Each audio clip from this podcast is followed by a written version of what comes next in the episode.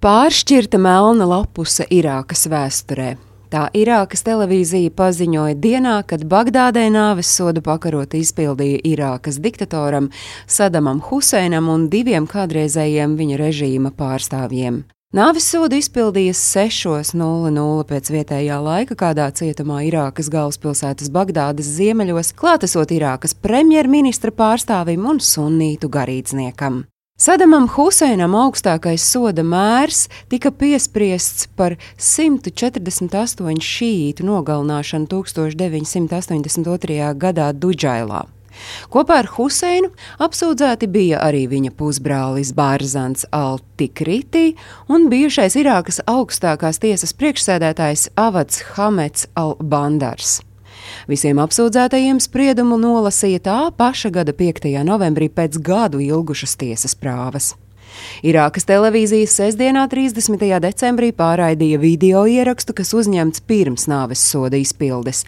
Pašu nāves soda procesu televīzijā nerādīja, bet vēlāk demonstrēja kadrus, kuros bija redzams pakārtā diktatora līķis. Toreiz ziņoja, ka Sadama Huseina mirstīgās atliekas ar helikopteri pārvestas no nāves soda izpildes vietas uz citu, plašākai sabiedrībai neatklātu vietu.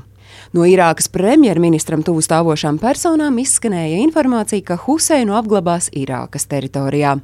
Tikmēr Huseina meitas, Rakhada un Rana, kuras dzīvoja Jordānijā, bija izteikušas vēlēšanos, lai tēvs tiktu apglabāts Jemenā.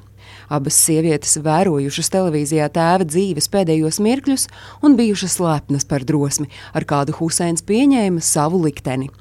Bagdādas šītu apdzīvotajā daļā Sadrā un Basrā pēc Huseina sodīšanas sākās svinības. Turpretī Huseina dzimtajā pilsētā Tikrītā viņa atbalstītāji sarīkoja protesta akcijas. Tā brīža ASV prezidents Džordžs Bušs nāves soda izpildi nosauca par svarīgu pagrieziena punktu Irākas ceļā uz demokrātiju, tomēr atzina, ka tas nedarīs galu vardarbībai. Tikmēr dažas no ASV galvenajām sabiedrotajām nāves soda izpildi vērtēja krietni piesardzīgāk. Pēc Buša teiktā, sots Sadamam Huseinam izpildīts saskaņā ar taisnīgu tiesas lēmumu, atšķirībā no daudziem viņa brutālā režīma upuriem, kuriem taisnīgums bija liekts. Savukārt toreizējā Lielbritānijas ārlietu ministre Margareta Beketa pozitīvi vērtēja to, ka Irākas tiesa notiesāja Sadamu Huseinu par vismaz dažiem no briesmīgajiem noziegumiem, ko viņš izdarījis pret Irākas tautu, bet vienlaikus uzsvēra, ka Lielbritānijas valdība neatbalsta nāves sodus nedz Irākā, nedz arī kur citur. Vatikāns nāves soda izpildi Sadamam nosauca par traģisku, norādot, ka tas var uzkurināt atriebības garu. Cilvēktiesība organizācijas Amnesty International ASV nodaļas direktors Lerijs Koks nosauca sasteigto nāves soda izpildīšanu par kļūdu.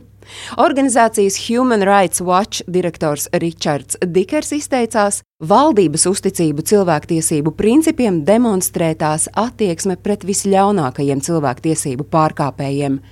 Viņš uzskata, ka vēsture spriedīs bārgu tiesu Dudžailas prāvei un Huseina sodīšanai ar nāvi. Par 30. decembra notikumiem stāstīja Agnese Drunka.